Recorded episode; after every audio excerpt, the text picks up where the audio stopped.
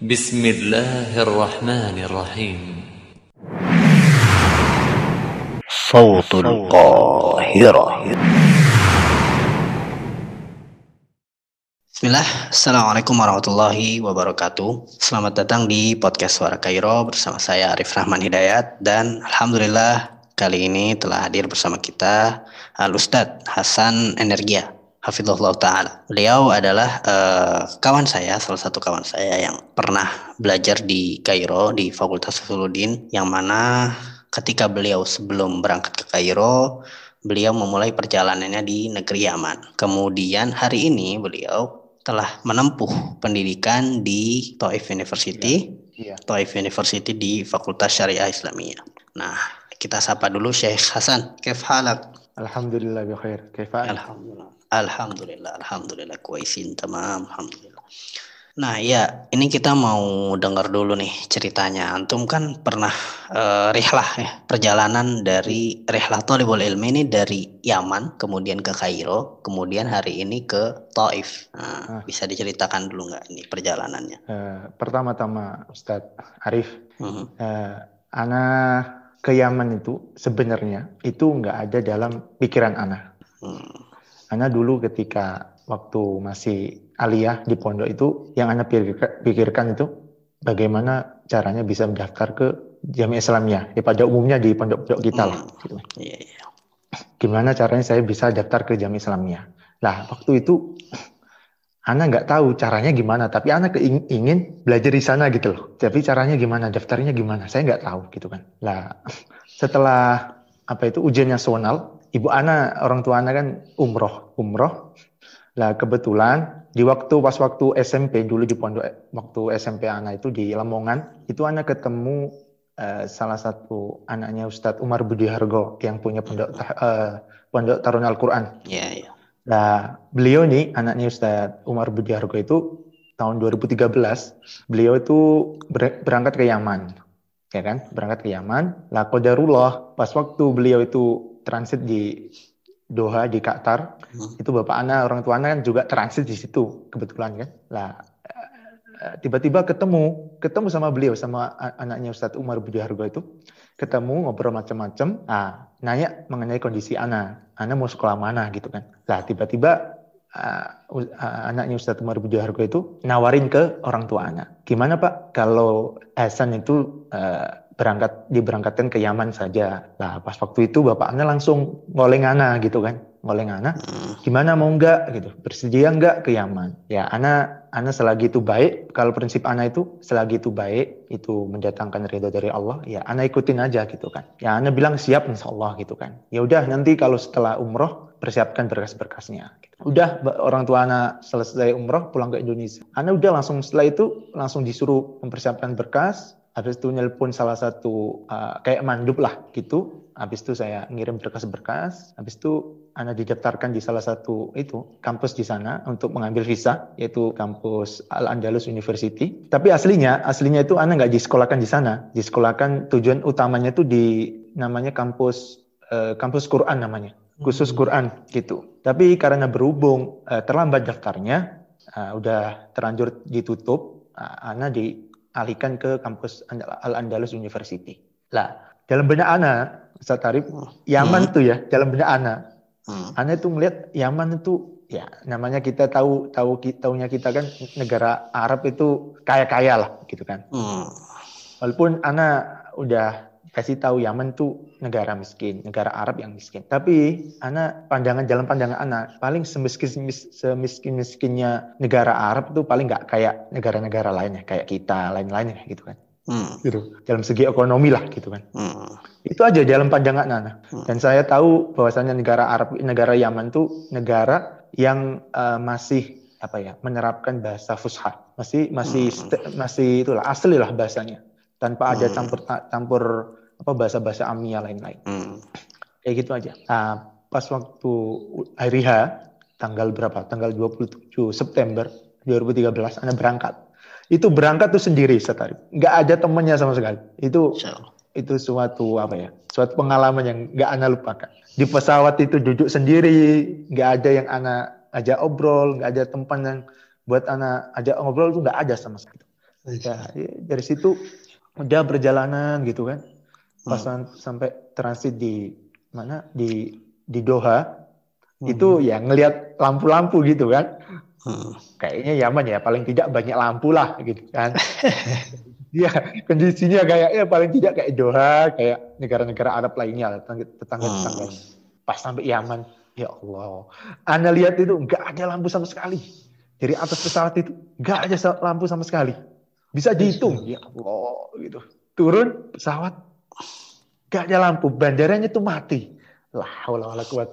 Bandara itu mati. Bandara internasional di Yaman itu nggak ada lampunya sama sekali. Ya Allah gitu.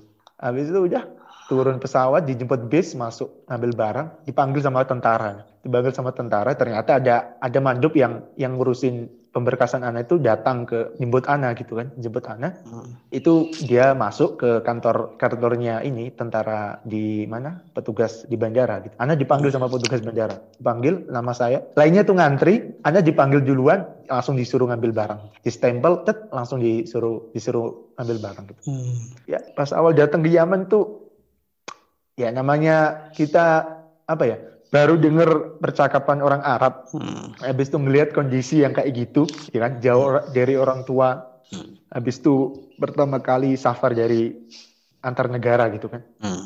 itu Ana itu denger pertama kali percakapan orang Arab tuh wallahi nggak bisa nggak bisa memahami Ana cepet banget. Hmm. ini apa? Ngomong-ngomong apa? Gitu kan. Ini ngomong apa? Gitu. Tapi bahasa bahasa fusha gitu tapi ini ngomong apa? Gitu cepet banget gitu. Itu Ana tinggal sama ini teman-teman dari Binbas. Ada di sana tuh ada markas markas markasnya teman-teman dari Ma'rib itu di Son'a itu ada teman-teman dari Binbas. Ada teman Ana dari Binbas apa namanya? Kamal yang kembar itu dari Binbas. Kamal sama siapa Hmm. itu lupa saya. Hmm. itu teman-teman sana, Ana di sama sama mereka satu siapa satu sakoh lah intinya. Nah di sako itu Rip, itu Ana itu nggak ada air. Seminggu itu air itu bisa dihitung lah. Air itu sehari itu kayaknya mat nyara itu sebentar air. Hmm. Air itu kadang-kadang mati, berapa jam itu mati. Habis itu lampu itu sehari itu hanya nyala paling dua jam. Kayak gitu doang. Paling mentok-mentok itu paling lama empat jam Hmm. lampu itu. Nah, setelah Anda datang di awal pertama datang di di mana di Son'a di Yaman itu ditaruh di Son'a selama satu minggu dua minggu. Anda ngurus-ngurus apa itu eh, fasdam apa itu intinya fasdam lah intinya. Eh, habis itu ngurus-ngurus pendaftaran macam-macam. Hmm. Habis itu Anda dibawa sama senior itu ke itu ke Ib ke kota Ib namanya. Itu kota Hmm. dataran tinggi di Yaman. Salah satu kota dataran tinggi di Yaman.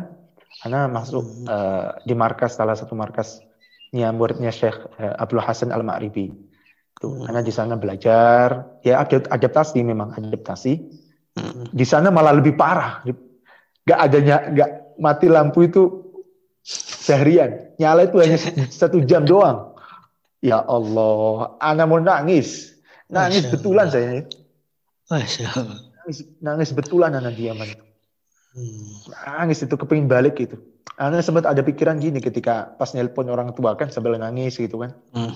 Habis itu tiba-tiba orang tua itu udah emang disengaja nggak nggak nggak ngangkat telepon Ana lagi gitu kan. Hmm. Ya dibiarkan biar biar beradaptasi biar semakin semakin mengerti dunia luar gitu kan. Ana itu nangis sendiri di pojok di pojok markas itu di dekat maktabah itu Ana masih ingat. Malam-malam itu kan sambil lihat lihat langit itu kan pas waktu itu lagi cerah gitu kan. Lagi, lagi bulan purnama gitu kan Ana Ana nangis sendiri sambil ngebuat teh gitu kan. Sambil makan gitu kan. Nangis sendiri gimana ya Allah Anda sempat pikiran gini kalau seandainya uang yang dikasih orang tua itu gak Anda belikan kitab gitu kan sudah Anda balik ke Yaman balik ke Indonesia lagi lah. Nggak nggak kuat dengan kondisi di Yaman itu. Maksudnya nggak ada lampu makannya cuman nasi putih sama garam habis itu sama apa sama apa itu sama kentang rebus di dibagi lima orang gitu kan. Nggak kerasa sama sekali nggak kerasa kenyang gitu kan. Hmm. sampai saya itu ya Allah. Habis itu saya itu mulai berpikir gitu kan. Mulai berpikir oh ada yang ada yang lebih parah di Ana gitu kan. Ada orang Hmm. maksudnya saudara muslim Ana itu yang lebih parah daripada Ana gitu kan. Dari situ Ana mulai bangkit mulai beradaptasi mulai Hmm. Mulai berani keluar, mulai berani ke matam sendiri, beli beli jajan-jajan sendiri, habis itu tanya-tanya ini apa, ini artinya apa gitu kan yang anak-anak nggak tahu gitu kan Hmm. dan wah dikasih tahu semua mulai anak mulai beradaptasi mulai anak mulai apa ya mulai senang lah tinggal sama sama penduduk Yaman mulai Hmm. gaul sama apa apa tolip-tolip Yaman kayak gitu kayak gitu Hmm, Masya Allah. gitu Eh, eh, Ana boleh potong sedikit. Eh, itu kalau di Yaman emang kondisi. Jadi itu kondisi. Antum waktu itu tinggal di dalam markas gitu, sakan atau sakoh eh, orang-orang antum ijar gitu, sewa gitu. kalau di Yaman kalau di Hmm. Yaman tuh markas tuh memang udah ada asramanya gitu. Hmm. Di Yaman tuh setiap markas tuh pasti ada asramanya walaupun asramanya nggak se nggak nggak semewah lah maksudnya cukup lah Hmm. buat tidur buat Hmm. belajar macam-macam Hmm. Oh, jadi antum tinggal di asrama gitu ya. Tapi berarti makan ada kayak makan tadi juga itu antum dimasakin atau masak sendiri atau gimana? oh dimasakin kalau di waktu anak di Uden di IP itu Hmm. itu dibagi di ada ada daurnya ada mahasiswa Hmm. ada tolip-tolip Yaman tuh eh tolip-tolip yang di markas itu dibagi masak bar- masak gantian ada jadwalnya masing-masing biasanya Gitu. yang saya yang sering yang sering ditugaskan tuh yang senior senior Hmm. yang sudah sudah agak lama di sana yang sudah dikenal sama Syekh gitu gitu Hmm, iya, iya. Jadi berarti kalau misalnya, eh, jadi berarti kayak menu kayak tadi juga emang emang emang dimasakin. Maksudnya itu eh, pilihan atau emang karena keadaan? Apa emang karena keadaan negaranya nggak ada apa-apa? memang pilihan dari Syekhnya dari markasnya Oh gitu, emang. Jadi ada ada ada ada sisi mengajarkan juga ya. Misalnya seandainya nih orang Iya. kaya, misalnya oh, antum punya Ah. uang banyak banget, antum Ah. bisa dikirimin orang uang dari orang tua banyak banget. Antum nggak bisa eh, ada pilihan untuk kayak misalnya bisa tinggal di luar kemudian makan yang lebih enak, tinggal di tempat yang lebih enak gak? Atau enggak? Atau emang nggak ada pilihan itu di Yaman? enggak ada kalau kalau di zona A bisa mungkin di zona A Oh, kita banyak gitu. banyak maksudnya di zona A itu kita ibarat kita bisa tinggal di Sako macam-macam tapi pada Hmm, umumnya gitu. kita kalau di markas di jauh dari zona A itu umumnya ya maksudnya makannya tuh seadanya gitu loh maksudnya nggak Hmm, sebanyak di gitu. zona A gitu pilihannya banyak gitu zona A kan banyak matam macam-macam kalau di di daerah maksudnya di desa itu ya makannya ya seadanya gitu Hmm, iya, iya. Ya, jadi berarti kayak emang udah daerah terpencil yang memang kondisinya eh, sudah prihatin. Jadi sekalipun antum punya uang banyak, tidak banyak merubah keadaan gitu ya.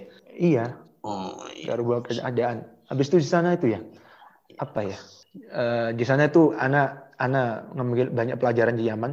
Itu Hmm. di sana itu memang anak tahu belajar paling efektif menurut anak ya. Hmm, Maksudnya anak dia- diajari hmm, cara belajar yang benar itu itu di Hmm. Yaman.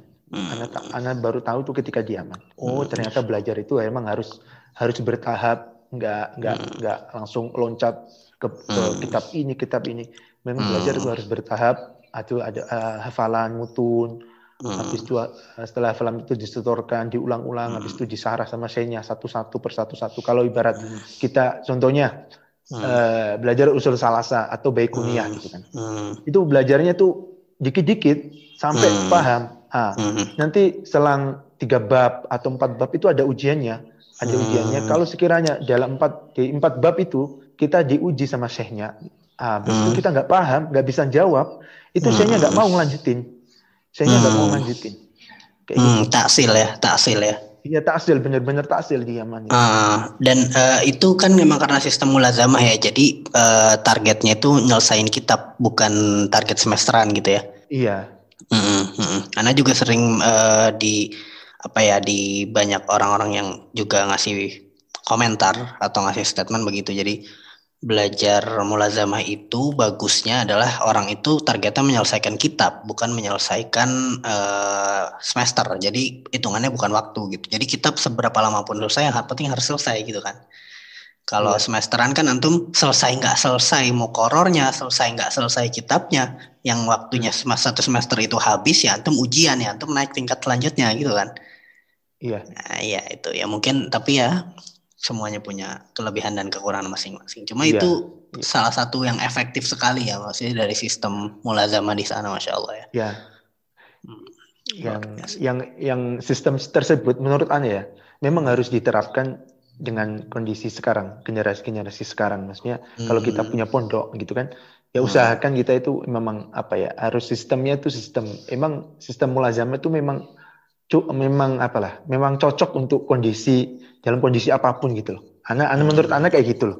Menurut Oh, anak kayak iya. gitu. Menurut anak. Iya iya iya, iya sih. ha. Iya kadang-kadang orang mau nggak mau harus loncat ke tingkat selanjutnya, sementara mungkin mukorornya belum selesai atau apa yang dipelajari belum tuntas. Kadang tahu-tahu loncat gitu aja banyak hal yang terlewat gitu. Apalagi misalnya mutolaah di luar kelasnya kurang, ya itu Ah. jadi jadi jadi jadi menghasilkan kekurangan juga gitu. Jadi jadi ada ada hal-hal yang kurang maksimal istilahnya eh, dalam menuntut ilmunya gitu. ya Allah alam. Kemudian antum berapa lama di Yaman ya? Di Yaman tuh anak sekitar ya setahun setahun seta- setahun setengah lah. Tapi nggak Hmm. sampai, nggak sampai, Hmm. nggak sampai. Itu Wah, antum lah, terpaksa setahun. pulang karena waktu itu kondisinya ini ya. Apa Perang, ada konflik perang? Ada konflik perang. Hmm. Ini kan anak dari anak ceritanya kondisinya. Maksudnya Hmm. anak dari Uden dari markas itu anak berapa bulan itu habis itu anak disuruh ke zona A. Ke zona A itu udah udah konsentrasi di zona A gitu kan. Belajar sama mas saya mas saya yang ada di zona A sambil anak apa? Anak eh, ijar maksudnya Hmm. kontrak sama senior senior sambil belajar Hmm. sama mas saya mas saya yang di zona A gitu kan. Hmm. Di zona A itu ada ada markas, tapi namanya markas dakwah. Itu yang punya itu eh, menantunya Syekh Muk- Mukbil di markas Hmm. dakwah. itu. Ah, Tapi anak anak nggak di sana, anak nggak di sana. Hmm. Anak di di di daerah nggak nggak di sana di masih di zona A tapi nggak di sana Hmm. gitu. Di sana ya sama lah kondisi Yaman. Anak ngelihat banyak banyak mengambil sisi positifnya di orang-orang Yaman tuh. Orang Yaman tuh masya Allah sebagaimana yang disabdakan Nabi itu memang eh, ahlul iman wal hikmah gitu loh. Orang-orang yang memang baik. Orangnya itu memang nggak ada ibarat eh, apa membedakan ini ajam, ini orang penduduk asing nggak ada. Kita datang ke sana gitu kan, kita udah dianggap keluarga, keluarga sendiri. Dan ketika ibarat contohnya Ana itu kan, yang Ana alami itu, ketika Ana jalan gitu kan, jalan aja jalan, melewati satu matam atau dua matam gitu kan. Ada orang Yaman makan, berapa orang Yaman makan, gitu mereka langsung langsung manggil, sini sini, gitu kan. Mereka mereka manggil, gitu kan, ditarik kita, ayo makan sama kita, gitu kan.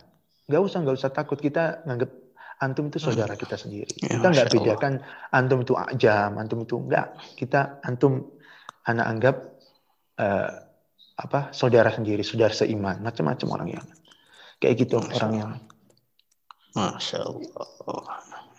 Yang itu cepet cepet Hmm. mau apa ya mengambil kebenaran, cepet apa hmm, menerima kebenaran itu cepet banget.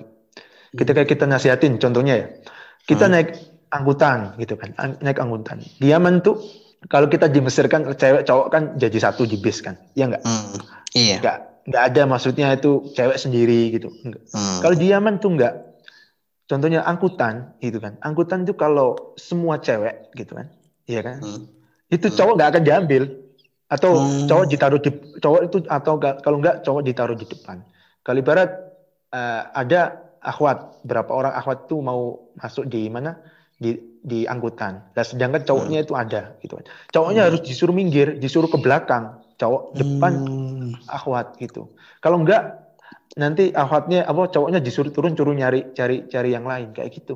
Kayak gitu di Hmm. Yaman. Masya Allah. Luar biasa ya. Sampai segitu ihtiramnya ya terhadap ini apa namanya istilahnya ihtiram terhadap muslimah terhadap lawan jenis gitu menjaga ya. Jam 7, jam 7 itu setelah Isya Hmm. itu orang Yaman, Masya Allah yang Yaman tuh nggak ada namanya akhwat itu yang keliaran. Bayangkan, Hmm. cowok cowok aja yang ibarat mau belanja itu cowok aja yang ada. Hmm, Kalau iya. ada seorang wanita berkeliaran di atas jam 7 malam, udah dianggap nggak baik wanita itu. Itulah Hmm. yang anak anak itu sangat sangat barat ya. Sampai sekarang itu anak itu emang Yaman itu nggak ada duanya kan. Kalau anak ya pendapat Hmm. anak gitu. Hmm, jadi adatnya tuh adatnya tuh menjaga sekali terhadap perempuan ya, ihtiram Ya gitu. menjaga menjaga eh, tradisi keislaman itu masih Iya, tradisi kuat. keislaman kuat, ya, masya Allah luar biasa. Hmm. Ya, Kemudian perang antum pulang ke Indonesia, gitu. Iya perang itu ya, banyak cerita juga perang itu. Pas anak Hmm. sebelum memutuskan pulang itu eh banyak banyak cerita. Anak apa?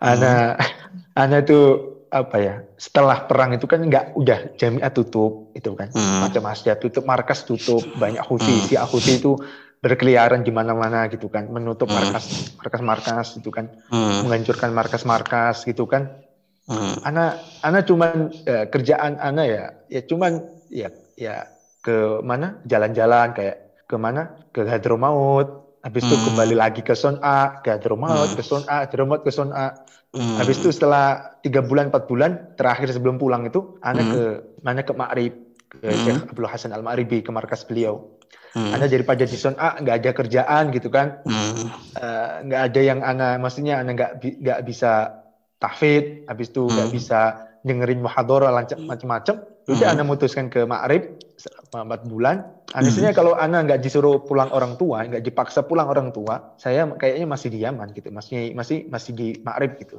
nggak akan pulang gitu loh nah pas waktu itu kan eh, ba- ya pas waktu itu ana habis dari Ma'rib Hmm. itu itu pas waktu udah mendekati pulang itu ana kan satu kon- eh, ikut kontrak sama salah satu teman ana Hmm. itu eh, ya eh, alhamdulillah diselamatkan sama Allah kan. Pagi-pagi itu jam habis subuh kita lagi enak-enak habis ambil apa minum teh gitu kan habis subuh. Makan ya makan pagi. Hmm. lah pas waktu ana mau beli mau beli roti gitu kan. Mau beli kalau istilahnya di sana hubes kalau Mesir kan ais gitu kan. Mau Hmm. beli ais eh, itu ana ana dengar tembakan gitu kan. Ada dengar temba- tembakan AK47 gitu kan ini tembakannya kayaknya ana cuman ana ana dalam eh, hati ana kayaknya ini ada nikah gitu kan. Biasanya Hmm. kalau umumnya orang Arab itu kalau Hmm. ada pernikahan kan nembakkan AK47 kan ke atas gitu kan.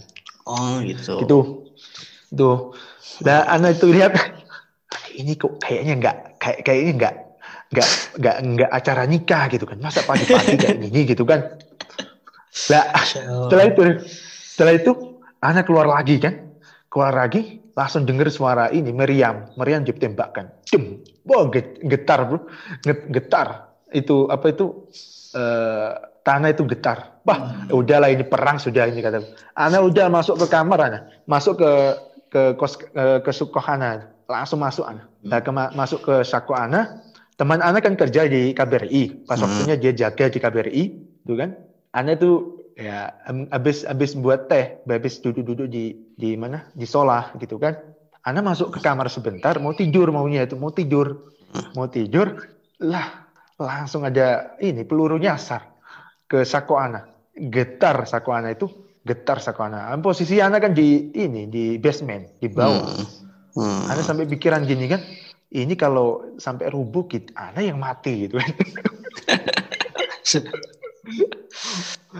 Wah di sana itu masya Allah, ana ana banyak banget- banyak ya ada sisi banyak cerita lah di Yaman itu denger Hmm. diajarin orang Yaman macam-macam lah banyak lah orang Yaman. Hmm.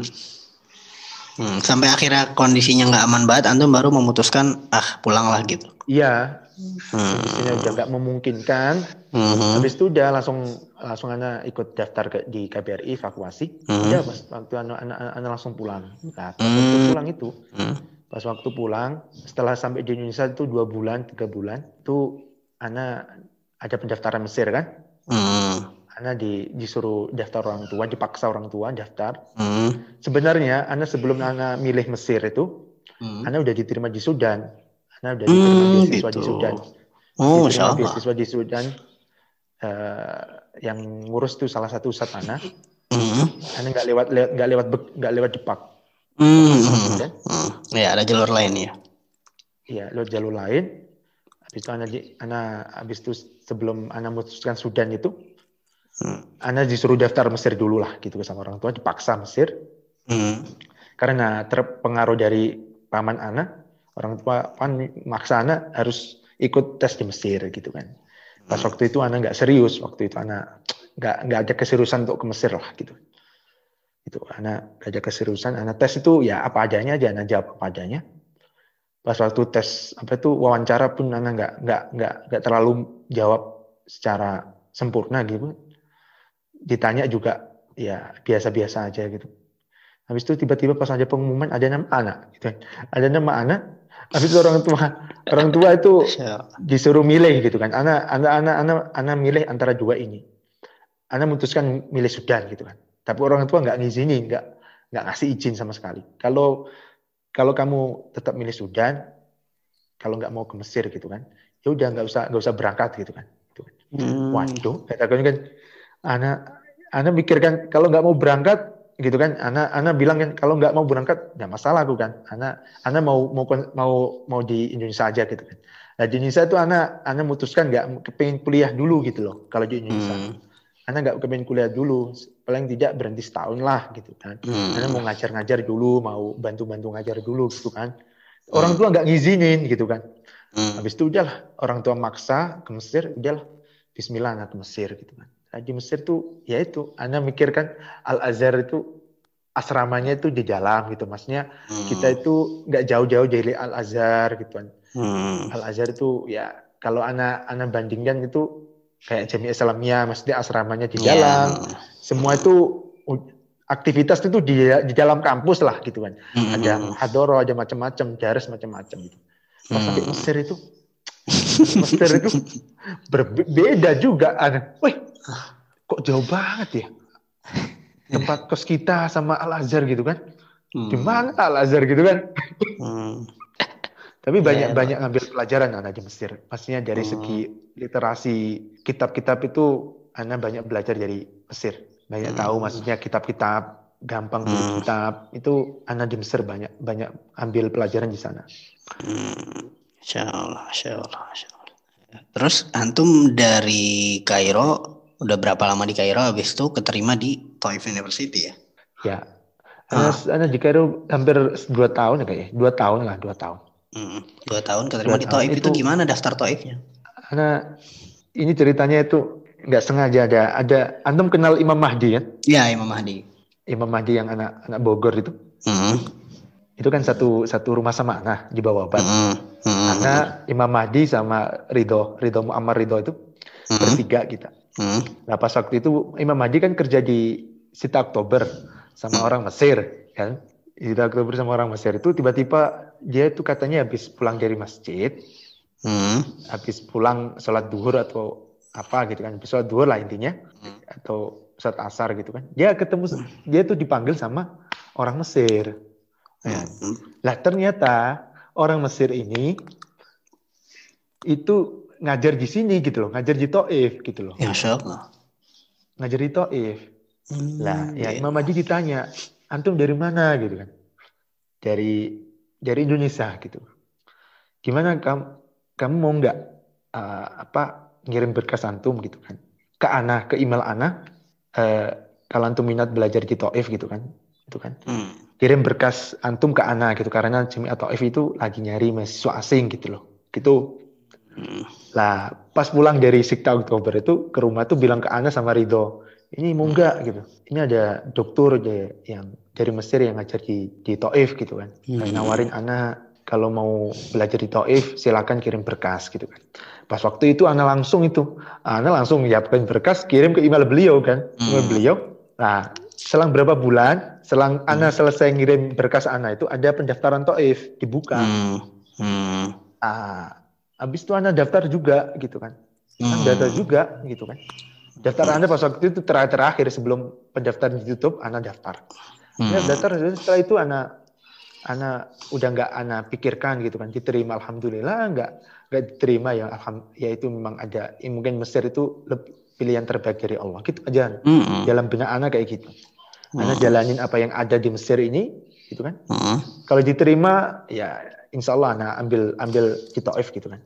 Udah setelah setelah selang nggak sampai setahun Anda nunggu berapa bulan gitu. Anda pulang dari Indonesia, pulang liburan musim panas itu. Hmm. Anda balik ke Mesir. Hmm. Nah, selang berapa bulan itu pas Ma'rod kitab, Ma'rod kitab bulan Januari, akhir Januari itu itu pagi-pagi jam 10 itu Anda ditelepon. Nah, ada telepon masuk, ada telepon masuk Saudi. Pas waktu itu Ana, Ana sempat nggak mau nggak mau apa nggak mau bales, nggak mau ngangkat gitu lah. Ana ini siapa gitu kan?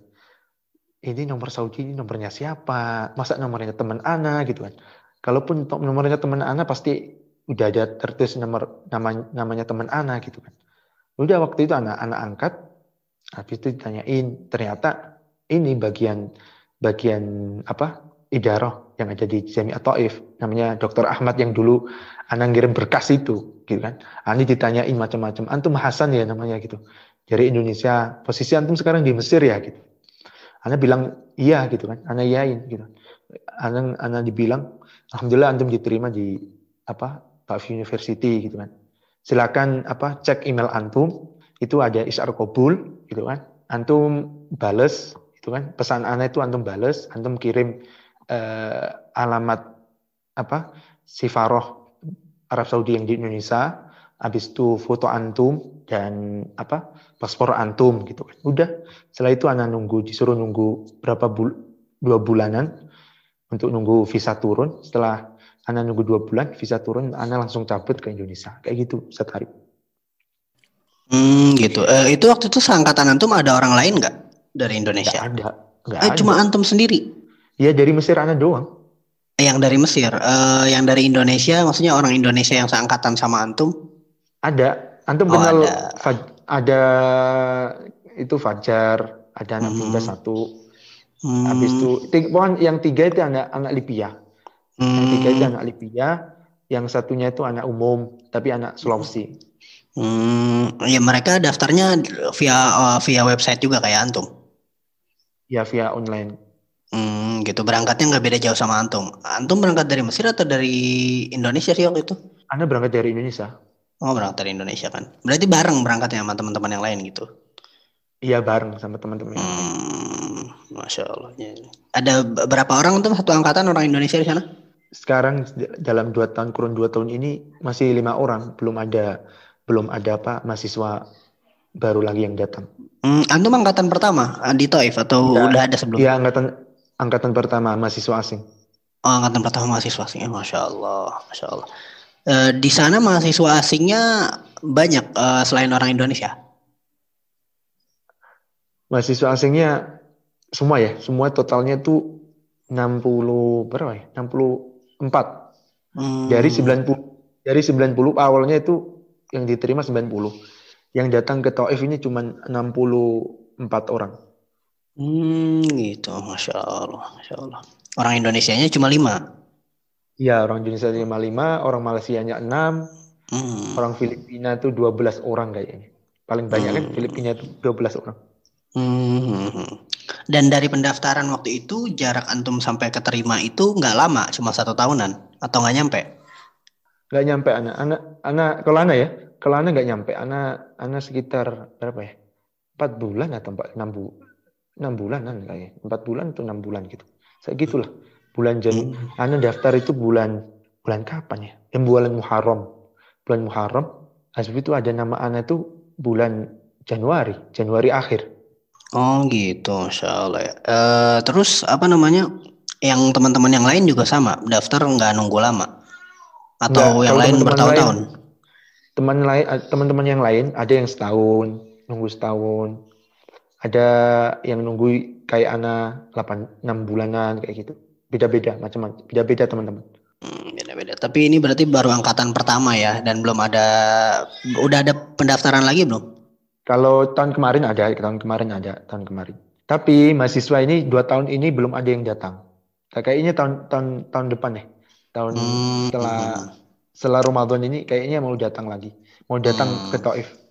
Hmm. Tapi sayangnya nggak ada nggak ada mahasiswa Indonesia tahun ini ya. Hmm, 200 gitu. orang itu 200 orang itu nggak ada Indonesia. Itu keputusan dari Wizara Taklim. Karena pro- karena apa? Sistem sekarang itu sudah beda. Beda sama sistem yang dulu. Kalau sistem sekarang itu setiap jamiah, kecuali jamiah Islamiyah ya. Jamiah Islamiyah beda sendiri. Maksudnya jamiah-jamiah yang selain jamiah Islamiyah, mahasiswa asing, Hmm.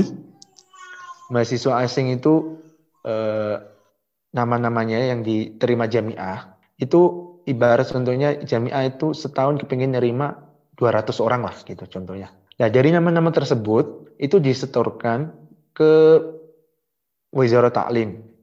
Nah dari Wizara Taklim itu mereka yang menyeleksi. Nah dari dari Wizara Taklim itu setelah menyeleksi, ah barulah keluar muafakah dari Wizara Taklim. Habis itu jamiah mengeluarkan isar kabul kayak gitu. Kayak gitu, Satari. Hmm, Nah itu kenapa bisa nggak ada orang Indonesia? Karena itu. Kayaknya katanya ya kemarin anak pas waktu anak anak apa datang ke Idaro sama anak tanyakan sama orang yang eh, yang anak yang datangin anak dulu ke sini ke Taif itu orang Mesir anak tanya ini kenapa orang Indonesia nggak ada gitu kan 200 orang masa Indonesia nggak ada katanya emang mau katanya ya pengakuannya itu emang mau disebar dulu diratakan dibagi-bagi lah intinya. Indonesia mungkin tahun depannya mungkin tahun depan mungkin ada ada mahasiswa Indonesia yang diterima nggak tahu Allah alam gitu kan. Kayak gitu. Itu alasannya dari pihak Idara dan juga alasan dari Wiz- Wizara Taklim. Oh iya ya, jadi mungkin masih nyari daerah atau negara lain yang lebih urgent dulu, yang belum kebagian istilahnya. iya kayak gitu. Hmm. alasannya kayak gitu Hmm, ya mungkin karena kuota juga lebih sedikit dari Jamiah Islamiyah, jadi pasti penerimaannya lebih diselang-seling lagi ya. iya benar Hmm. Ya, tapi khair lah. Nah, kalau de- Taif tuh jam sih dari Mekah perjalanannya. Tapi dari Mekah umumnya pelajaran kalau dari ada dua dua dua jalur. Hmm. Pertama jalur Sa'il, sa, Tarik Sa'il namanya. Itu sekitar satu jam setengah kalau naik bis. Tergantung tergantung kendaraan. Paling minimal paling maksimal satu jam setengah. Itu yang Tarik dari nama jalan Sa'il namanya. Itu jalur jalur Sa'il namanya. Itu 90 menit. Itu kalau kalau dari jalur yang lain namanya Torik Hada itu sekitar kalau dari Taif itu sekitar 40 menitan lah dari Taif ke Makkah ke Haram itu 40 menit kayak gitu, segitu Hmm, ya. ya, ya. Nah, nah, eh, kita kan ma'ruf ya kalau sama suasana Mekah dan Madinah untuk orang-orang yang sering eh, umroh atau ini dan kebayang karena banyak teman-teman di sana. Tapi kan Taif ini kan eh, orang Indonesia aja baru di sana baru lima. Itu gimana suasana kotanya yang antum merasakan atau suasana di sana di di di Taif sendiri? Gitu. suasananya di Taif itu kalau menurut Ana suasana suasana di Taif itu seperti kalau seperti di Yaman. Maksudnya seperti kondisi eh, di zona maksudnya dari cuacanya habis itu kondisinya itu kayak di zona dingin sejuk lah intinya gitu. dan lebih sepi daripada kota-kota lain. Lebih sepi Taif itu lebih sepi dari Mekah dari Jeddah dari Madinah Madinah pun juga sepi Madinah kalau jam di atas jam 10 jam 10 itu sepi. Jam habis isya itu udah sepi di Madinah Taif kayak gitu setari Hmm, ya, ya, masya Allah, masya Allah. Nah, dan dan hmm, sebentar anak anak kasih itu di, di Hmm. Taif itu ya namanya orang kan ada baik ada buruk ya di Iya. Taif itu masih kayak banyak yang dulu melempar Nabi batu itu hmm, hmm. iya, iya, sejarahnya itu itu. ya. masih masih masih kental di sini Hmm. maksudnya orang-orangnya tuh gimana ya anak tuh pernah jalan itu dilempar batu jalan biasa dari Bakola itu dilempar Hmm. batu coba Hmm. parah sumpah Hmm. habis itu orangnya lari coba kalau ibarat anak dilempar batu itu berapa orang Oh, itu insya melempar Allah. batu anak untungnya nggak Oh kena gitu. Nah, itu. Hmm. Jadi ini kan, habis itu anak ini orang-orang orang-orang orang-orang zaman dulu ma- masih ada kayak sifat-sifat zaman dulu kata. Hmm, ya, jadi agak beda watak sama penduduk Mekah Madinah beda ya. Yang bersama, kalau anak ya, anak anak Hmm. anak pa- a- pan- dalam pandangan anak, penduduk Taif sama penduduk Makkah itu hampir sama, Hmm. keras. Hmm. Orangnya tuh keras, Eh, nggak peduli, maksudnya sendiri-sendiri lah gitu kan. Hmm, individualis. In- ya. Kalau Medina enggak, Medina tuh mirip kayak Yaman. Mirip kaum Hmm. Ansor itu kan orang Yaman kaum Ansor kan. Hmm. Itu wallahi orangnya tuh welcome, habis itu sering bantu macam-macam di di di Medina itu. Beda kondisinya orang di Medina, penduduk Medina sama Mekah sama Taif itu kalau Taif sama Mekah itu sama, bersama, udahlah sama. Kalau Medina enggak, beda sama sekali. Beda sama sekali. Di Medina. Hmm. Hmm, ya ini keumuman orang ya, ilaman rahimallah ya Iya. kalau dirahmati tetap Iya. insya Allah baik-baik aja di mana gitu. Iya. Hmm. Iya. Kalau kita ngomongin bandinginnya sama Mesir ya lebih beda lagi. lebih Tapi beda dalam lagi. dalam segi kalau tapi dalam segi pelajaran belajar itu kalau menurut Hmm. Anda kembali ke masing-masing lah. Mau nggak mau di Hmm. Mesir, mau di Yaman, mau di Saudi, mau di Indonesia kembali ke masing-masing pri- ke pribadi masing-masing lah. Hmm. Ya mau nggak sungguh-sungguh gitu kan. Sama saja kalau dia belajar di Saudi kalau main-mainnya sama aja gitu kan. Mending di Indonesia. Kalau mau Hmm. di Mesir main-mainnya sama aja gitu kan. Nggak Hmm. memanfaatkan momen ketika bertemu ulama macam-macam ya. Mending di Indonesia aja gitu kan. Hmm, iya, iya. iyalah pastinya ya itu intinya taufik dari Allah kemudian juga kesungguhan kita ya itu yang menentukan keberhasilan belajar kita gitu bukan tempatnya. Iya iya. Hmm. Tapi ini antum nih kan eh, berarti dari tempat-tempat yang antum daftar tadi hampir kebanyakannya tuh sebetulnya antum nggak kepikiran ke sana tapi dipilihin orang tua ya tadi karena ke Yaman eh saya jalan dari dari dari dari usulan orang tua antum gitu. Ke Mesir juga antum bahkan tadi bilang disuruh didorong-dorong suruh daftar. Bahkan dipaksa kalau nggak milih Mesir nggak usah berangkat gitu kan. Eh, eh, eh, eh, jadi tapi gimana ya antum ngejalaninya gimana? Terus eh, antum merasakan hikmah apa yang antum begitu nyampe nih? Ada ada ketika emang ada tadi juga banyak yang tidak sesuai ekspektasi kan keadaan di negaranya. Maksudnya antum kaget bahkan tadi di Yaman antum bah- sampai nangis gitu kan sak- saking eh, kaget sama kondisinya gitu. Nah antum eh, ada ada menyesal terus kayak ke orang tua aduh kenapa sih? gitu. Atau bahkan atau malah sebaliknya antum merasa berterima kasih dan bisa menemukan hikmahnya. Eh, Ana ju- ya jujur aja ya. Hmm. dari apa sih dari dorongan orang tua gitu kan. Ana itu mengambil banyak hikmah gitu kan. Nggak nggak mau menyalahkan orang tua. Banyak eh, hikmah yang Ana ambil. Contohnya ketika Ana di Yaman tuh di sana Ana belajar gitu, belajar bahwasanya suatu saat saya itu eh, kehidupan kehidupan Ana itu nggak nggak selamanya tuh enak-enak aja gitu loh.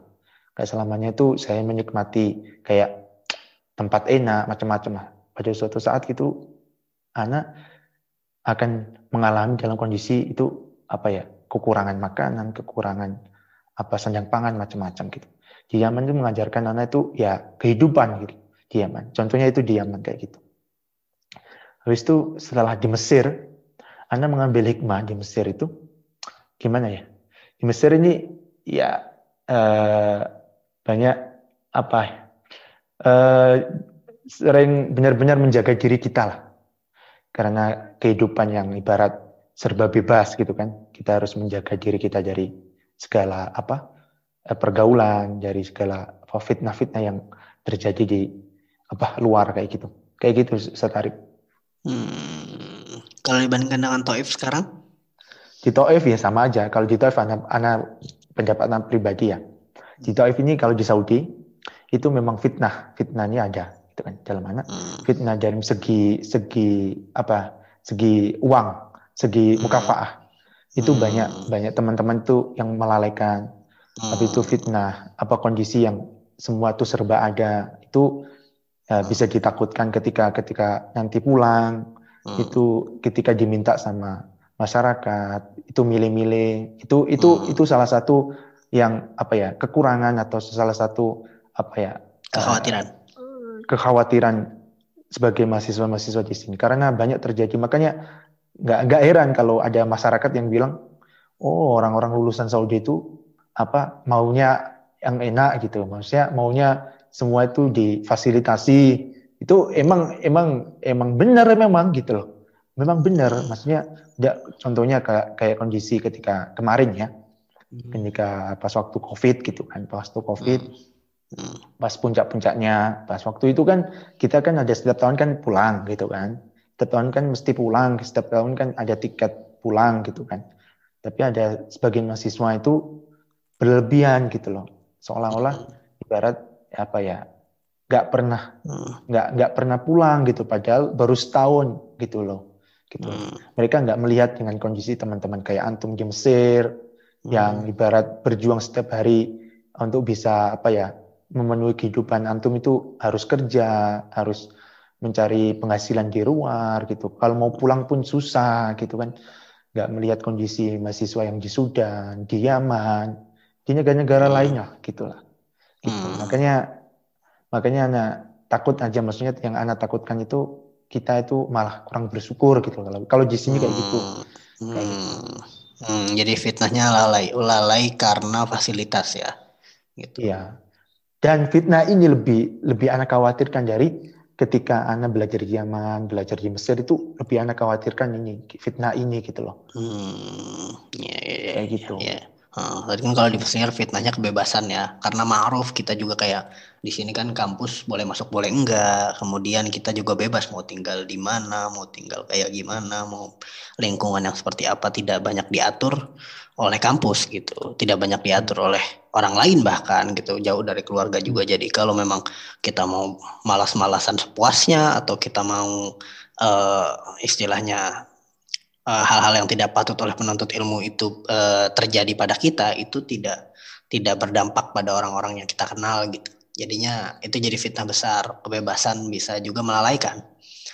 Intinya sih lebih ke ke sana juga ya. Tapi kalau di Yaman Iya. itu tadi antum justru belajar karena ya udah memang diawasi, kemudian bahkan tadi taksil ilmunya jelas, tapi di sisi lain ya harus sabar dengan keadaan yang prihatin ya.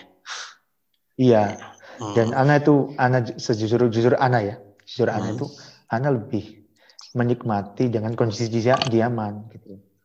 Lebih lem- lebih menikmati dengan kondisi yang serba serba apa adanya gitu loh. Hmm. Gitu. Itu lebih lebih nikmat itu, lebih nikmat kayak gitu daripada kita ibarat semua itu serba ada gitu kan. Takutnya kita nggak bersyukur macam-macam kayak gitu. Hmm. Ya, ya, ya, masya Allah, masya Allah. Dan di Yaman itu ya fitnah, fitnah kebebasan, fitnah dunia itu, fitnah syahwat macam-macam itu memang jauh lah, nggak ada sama Minim, sekali, hmm, minim ya. minim sama sekali. Beda sama kayak di Saudi, semua semua sudah ada internet ada, wifi Hmm. difasilitasi, habis itu Hmm. makanan itu juga difasilitasi. Dia di Hmm. Mesir juga kan di, apa makan makan juga semua ada gitu. Walaupun kita Hmm. apa dapat kiriman dari orang tua atau nanti dapat beasiswa dari bait zakat atau macam-macam kan makanan Hmm. dan semua ada gitu kan Habis Iya. di Mesir kan kebebasnya kan maksudnya negara negara Arab yang setelah ibarat setelah setelah Dubai setelah itu kan eh, Hmm. kalau anda lihat kan Mesir juga bebas juga negara yang kebebasannya juga Hmm. Ya, taib. Sebelum kita tutup nih ada pesan ke untuk ke teman-teman yang mungkin ingin melanjutkan mungkin ke Yaman seperti antum atau ke Mesir atau ingin berharap ingin mendapatkan jalan menuju Taif kira-kira bagaimana nih Eh, pesan-pesan nasihat untuk anak nasihat nasihat anak atau pesan dan kesan anak untuk teman-teman yang di Indonesia gitu kan ya pertama ya eh, mau di mana pun ya semua itu sama. Mau di Mesir mau di Yaman atau mau di Saudi itu kembali ke kita. Apa tujuan kita gitu kan? Apa tujuan kita untuk untuk ibarat kita mau ke ke mana? Ke Mesir atau ke Saudi ke Yaman itu tujuan kita itu apa? Kalau iman tujuan kita itu untuk belajar untuk mengangkat kebodohan dalam diri kita habis itu meng- apa? Mengajarkan eh, ilmu kepada masyarakat insya Allah apa yang eh, antum inginkan insya Allah dipermudah gitu kan. Kalau kepingin ke Saudi insya Allah banyak-banyak berdoa atau Yaman ke Mesir itu kembali ke masing-masing diri kita gitu. Kayak gitu saya tarik habis itu eh, apa ya niat ikhlas karena Allah gitu kan. Habis itu sungguh-sungguh ya gitu aja sih Baik, Masya Allah. Jazakumullah khair Ustaz atas sharingnya dan testimoninya dan juga cerita-ceritanya, Masya Allah ya. Seru sekali perjalanan eh, belajar pengalaman-pengalamannya yang eh, mungkin tidak bisa anda temukan di orang lain selain antum gitu.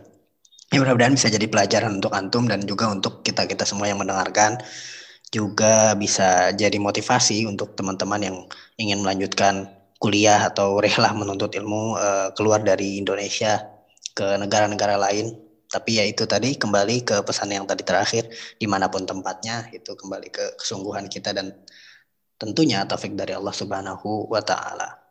Taib, barakallahu benar, fikum wa jazakumullah khairan atas sharingnya. Ya. Masya Allah, semoga Allah menjaga kesehatan antum dan antum terjaga dari orang-orang yang melempari antum batu di Taif ya. Barakallahu fikum. Barakallahu fikum Satari. Jazakumullah khairan atas tutup. sharingnya Salam. ini. Masya Allah. Assalamualaikum warahmatullahi wabarakatuh.